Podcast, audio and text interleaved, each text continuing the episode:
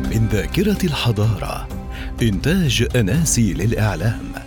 استمعوا أيضا إلى حكايات مروة وأمثال أم صبحي وأم هزات محتوى إعلامي عربي يبث على جميع منصات البودكاست. السلام عليكم ورحمة الله وبركاته مستمعينا الكرام في كل مكان تحية طيبة. معكم يوسف أسامة. سنتحدث من ذاكرة الحضارة في سلسلة المماليك. اليوم هنكون على موعد مع الحلقة رقم عشرة واللي هتكون بعنوان النظام المالي في عصر دولة المماليك.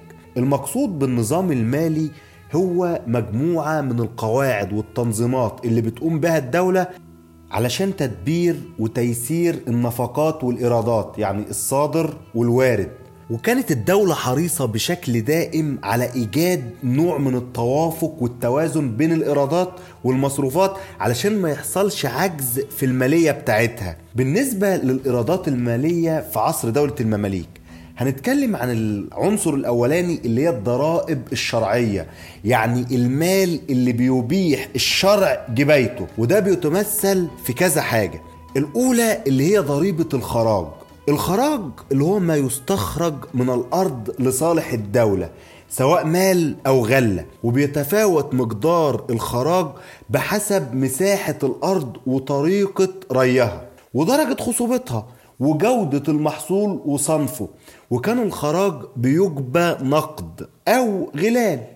الحاجة التانية هي الزكاة ودي إحنا عارفينها الفريضة من فرائض الإسلام واجبة على كل مسلم وكانت بتؤخذ من أغنياء المسلمين وبتوزع على الفقراء واللي يدفعها له الخيار إن هو يدفعها للسلطان أو للنائب بتاعه أو يوزعها هو بنفسه.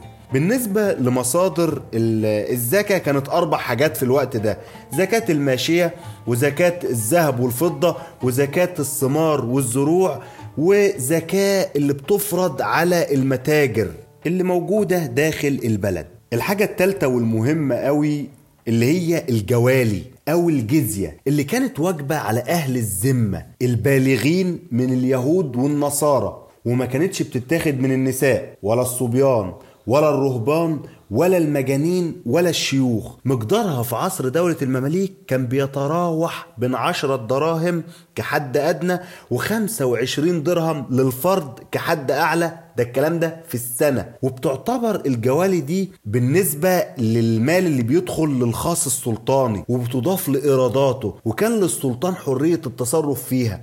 وكان بيعهد بجبايتها للناظر بتاعه. بيساعدوا اتنين موظفين كل واحد منهم بيبقى اسمه الحاشر. كان في حاشر لليهود وحاشر للنصارى.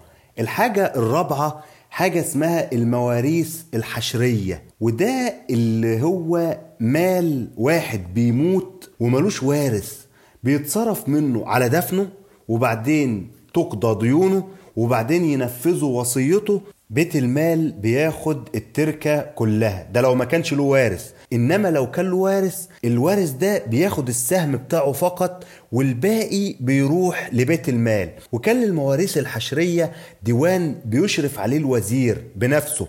وعدد من الموظفين على راسهم واحد اسمه ناظر المواريث وبيعاونوا كاتب لكتابة أسماء المتوفين واللي بيتعلق بيهم والشهود والمشرف لتحصيل الإرث. الحاجة الخامسة هي الرسوم الجمركية اللي هي الرسوم اللي كانت بتتاخد من التجار اللي ماشيين في البحر وبيعدوا على الموانئ المصرية وكانت بتحدد بالعشر من قيمة التجارة كلها على بعضها. وفي عصر سلاطين المماليك الضاعف القيمة دي بلغ للخمس والمؤرخ القلقشندي كتب الكلام ده إن هو بيقول إيه؟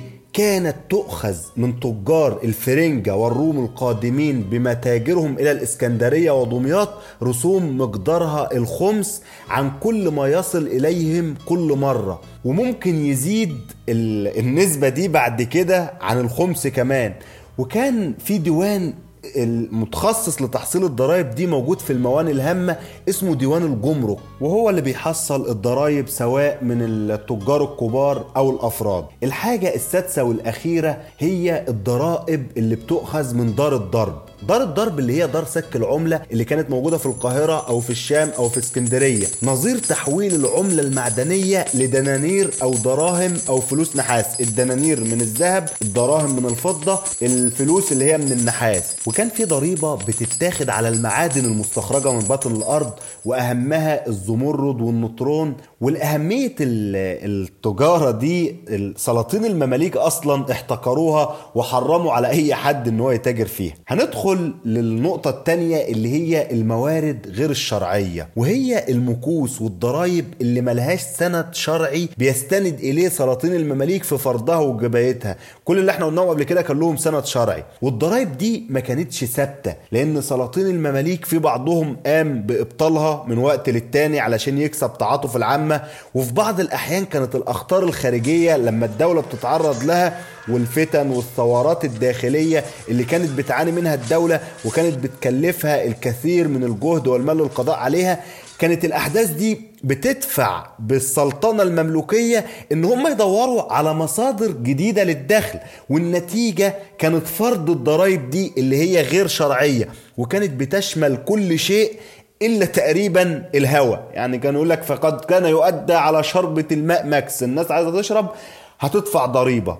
من أمثلة الموارد الغير شرعية دي حاجة اسمها ماكس ساحل الغلة. ده كان مبلغ مقرر على كل ما يباع من الغلال سواء في ساحل مصر القديمة أو ساحل بولاق لأن هم دول المينا اللي كانت موجودة في القاهرة وقتها أو في مصر الإسلامية يعني أو في العاصمة. المقريزي قدر الكلام ده بدرهمين ونصف على كل أردب غلة. نركز بقى في الحاجات اللي جاية دي كمان اللي كانوا بياخدوا منها ضريبة. مقرر السجون. ده بياخد ضريبة من أي واحد بيتسجن ولو للحظة واحدة. مقرر طرح الفراريج. مقرر الأقصاب والمعاصر اللي هي عصارات القصب. مقرر حماية المراكب. مقرر البشارة بفتح الحصون. ومكوس كانت بتتاخد من كل الحرفيين. وفي ضريبة اتفرضت على المساكن. كانت معروفة باسم التسقيع والتقويم. التسقيع اللي هو إحصاء البيوت من أجل فرض الضريبة عليها. والتقويم اللي هو تقدير قيمة كل بيت من البيوت المحصاة علشان برضه يفرضوا عليها ضريبة. ومقدارها في الغالب كانت حوالي دينار من على حسب قيمة البيت أو ثمنه يعني. وضريبة اسمها المشاهرة والمجامعة يعني اللي بتتاخد بالشهر أو في يوم الجمعة. واتفرضت على التجار والباعة اللي كانوا بيزاولوا شؤون البيع في الأسواق. سواء في في الشهر أو في الأسبوع. وكانت بتدفع للمحتسب وبعد كده بقت تتاخد بالسنة أحسن يعني من الشهر. وكان في برضه ضرايب بتتاخد على الحوانيت والحمامات والخانات والأفران والطواحين والبساتين والمراعي ومصايد الأسماك ودار السمك اللي كانت موجودة في القاهرة وضريبة مفروضة على الملح والأفراح والمغاني وكل شيء. يعني زي ما إحنا بنتكلم كده مفيش إلا الهوا بس. وكان زي ما إحنا قلنا دي كانت بتت يعني مش ماشية على وتيرة واحدة. مرة سلطان يعليها مرة سلطان يلغيها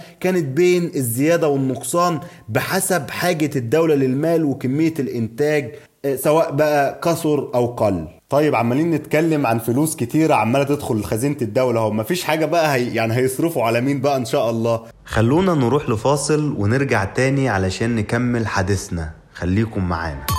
بوابات الثقافة. بوابات الثقافة. لقد غيرت فترة التباعد الاجتماعي أسلوب حياتنا بشكل كامل وأثرت على جميع القطاعات بدون استثناء بما فيها قطاع الثقافة فألغيت التظاهرات الثقافية والفنية وأغلقت المسارح ودور السينما. غير أن الحياة الثقافية في المغرب لم تتوقف حيث قام فنانون بنقل عروضهم إلى مواقع التواصل الاجتماعي ومنصة يوتيوب من خلال تنظيم ندوات ثقافية وحفلات افتراضية وغيرها. وبعد أن منعتهم حالة الطوارئ الصحية من تقديم عروضهم الفنية في الشارع العام لجأوا إلى شارع الحجر وهي مبادرة فنية أطلقتها فيدرالية المغرب لفنون الشارع، مكنتها من مواصلة تقديم عروضها على العالم الافتراضي وإمتاع جمهورها، وفي نفس الوقت ضمان مورد رزق لهم. قدم العروض موسيقيون وممارس فنون السيرك وفنون الأداء لمدة ثلاثين دقيقة. وتكفلت الفيدرالية بدعم مادي بسيط لتحفيز الفنانين لخوض التجربة. والعمل على استقطاب مساهمات مادية أخرى لفائدتهم من خلال اقتراح رعاية العرض أو تخصيص مساعدات مالية لهم. ومن أجل كسر روتين الحجر الصحي وخلق فسحة من الأمل خلال هذه الفترة قام مجموعة من الفنانين المغاربة من بينهم المغنية نبيلة معن وواحد وعشرون عازفا من مختلف مدن المملكة. بتقديم باقة من الموشحات الأندلسية في حفل افتراضي على موقع التواصل الاجتماعي فيسبوك.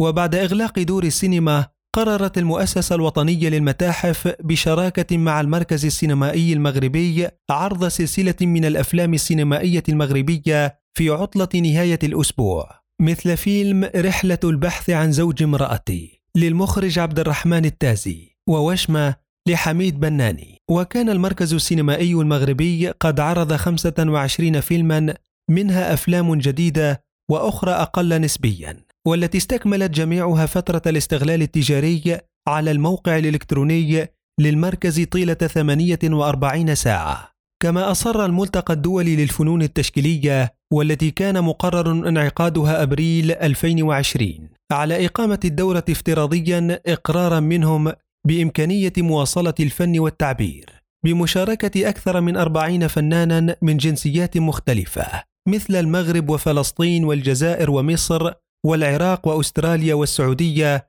وسوريا وليبيا. وقد طلب من كل الفنانين التعبير بلوحاتهم عن التشبث بالحياة.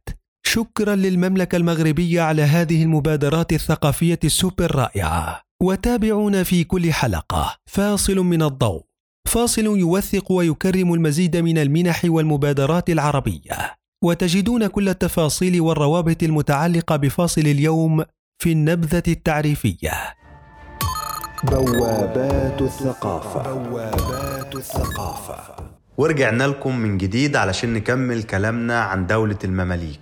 نتكلم بقى اللي هي مالية السلطان ومالية الدولة. لأن كان بينفق من مالية الدولة على رواتب الموظفين والقضاة ونظار الدواوين والكتاب والولاة وغيرهم. غير كده كان في رواتب الدولة بتديها لبعض الناس على سبيل الإعانة لهم. وكان بيصرف برضه بتصرف منها على المرافق العامة سواء بقى الجسور أو الترع أو المساجد أو الزوايا أو المدارس أو الكتاتيب. والأزبلة والطرق. وبرضه كان في أموال بتتخصص للجهاد وللغزو وللإعداد للمعارك الحربية سواء من شراء الأسلحة وبناء الحصون والقلاع وبناء السفن ودفع رواتب الجنود وغيرهم. ودي على فكرة كانت برضه مصدر إن السلطان يقول لهم أنا صرفت كذا لو هو ذمته يعني مش مش مظبوطة فيقول لهم أنا صرفت 10000 دينار وهو مثلا صرف 1000 ومحدش هيراجع وراه. بالنسبة بقى لمالية السلطان دي اللي كان بيتصرف منها على شراء المماليك وتربيتهم في الطباق والإنفاق عليهم والصرف على المواكب السلطانية والأصمطة والحفلات والنفقة على البيوت السلطانية وحريم السلطان وجواريه وغلمانه وملابسه وأي حاجة بتخص السلطان. خلونا ندخل على موضوع تاني اللي هو موضوع العملة. والعملة اللي كانت مستخدمة في عصر سلاطين المماليك كانت الدينار الذهبي والدرهم الفضي أو الفلوس النحاسية. وكان رصيد الدولة من الذهب والفضة كبير جدا في بداية الدولة. يعني أول 30 أول 130 سنة تقريبا ما حصلش أي أزمات نقدية خطيرة اتسببت في ارتفاع مفاجئ في الأسعار أو مجاعات أو خلافه لأن كانت دور سك العملة بتلاقي دايما الكفاية بتاعتها. مش عايز أتكلم عن موضوع العملة لوحدي لأنه طويل ومتفرع فخلونا نتواصل مع الدكتورة نسرين خالد الملا عبر الهاتف هي باحثة في الأمم المتحدة ومتخصصة في الاقتصاد والعلوم السياسية هي تكلمنا عن العملة بالتفصيل. إزيك يا دكتورة نسرين؟ يا رب تكوني بخير. اتفضلي الكلمة مع حضرتك. إزيك يا يوسف؟ أخبارك إيه؟ يا رب تكون بخير. بص يا سيدي أسواق دولة المماليك غزتها بعض العملات الأجنبية زي مثلا الدوكا البندقية والفلورين الفلورنسي. العملتين دول مثلا دخلوا من خلال الوجود الصليبي في بلاد الشام وأثناء النشاط التجاري اللي كان بين الإمارات الصليبية وبلاد الشام من جهة والجمهوريات الإيطالية وخصوصا مدينة البندقية من جهة تانية. الفكرة بقى أن النشاط التجاري ده فضل مستمر حتى بعد انتهاء الوجود الصليبي في بلاد الشام في 1291 ميلادية. الكلام ده كمان أكده المقريزي لما قال إن الدرهم أو الدوقة البندقية زاد تداولها في مصر في الفترة 817 هجرية 1414 ميلادية. الوقت ده ما كانش فيه عملة رسمية مملوكية متوفرة بكمية كبيرة في الدولة. وبالتالي مع كثرة الدوكات البندقية وجودتها ودقة أوزانها زاد التداول والتعامل بيها. كمان الناس بدأت تثق بالعملة دي وبدأت تستخدمها لدرجة إنها كانت كأنها العملة الرسمية للدولة. طبعا أي سلطان علشان يعزز حكمه ويقوي موقفه لازم يقوي من العملة بتاعة دولته. الكلام ده خلى السلطان المؤيد شيخ يصدر عملة جديدة في عام 818 هجرية 1415 ميلادية.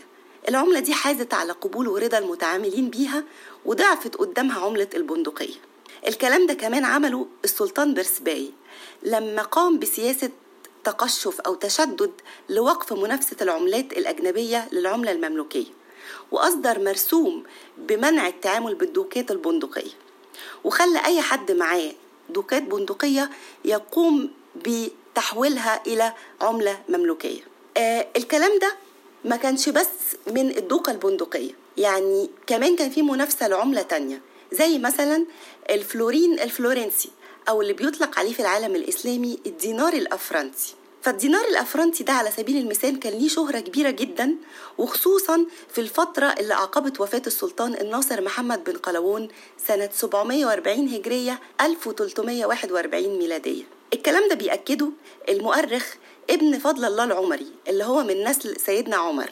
الفكرة بقى إنه السلطان محمد بن قلاوون ومن بعديه السلطان الظاهر بيبرس كانوا مهتمين جدا إن هم ما يسمحوش بتداول أي نقود سوى نقود الدولة المملوكية. والحقيقة إن ده كان حاجة مهمة جدا لأنه حافظ للنقود المملوكية مركزها النقدي القوي في مواجهة العملات الإيطالية. لكن الحقيقة إن المنافسة الحقيقية اللي جت من الدينار الافرنسي بدأت في القرن الثامن الهجري الرابع عشر الميلادي وابتدت الدولة المملوكية تستخدم الدينار الافرنسي في معاملاتها وفي كتير من تعاملاتها اليومية وابتدى الأفرنسي يسيطر على سوق النقد في مصر. فضل تداول الدنانير الأفرنطية دي مستمر وأصبحت الدنانير المملوكية هزيلة جدا وضعيفة جدا واتسمت بالفساد وتناقصت أوزانها وفسد عيارها.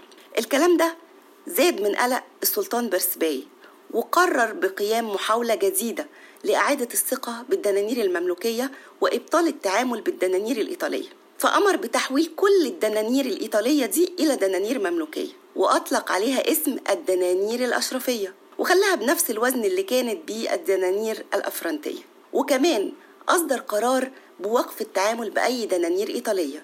وطلب من الناس اللي معاها أي دنانير إيطالية إنها تذهب بيها إلى دار الضرب أو اللي بنسميها كده دار سك العملة. وطلب منهم إن هم يبدلوها وياخدوا بدلها دنانير أشرفية. طبعا بالخطوة دي اللي اتخذها الأشرف بيرسباي حقق الدينار المملوكي تقدم ملحوظ. وابتدى واحدة واحدة يحل محل العملات الإيطالية في التعامل. وأصبحت السياسة النقدية المملوكية قوية وقادرة على التحكم في عملتها وقوتها. شكرا لضيفتنا الدكتورة نسرين الملة شكرا لكم مستمعينا الكرام. انتظرونا إن شاء الله في الحلقة اللي جاية اللي هتكون رقم 11 وهنتكلم فيها بالتفصيل عن الجيش في عصر المماليك. نشوفكم على خير. والسلام عليكم ورحمة الله وبركاته. من ذاكرة الحضارة. إنتاج أناسي للإعلام. استمعوا أيضا إلى حكايات مروة وأمثال أم صبحي وأم عزات محتوى إعلامي عربي يبث على جميع منصات البودكاست.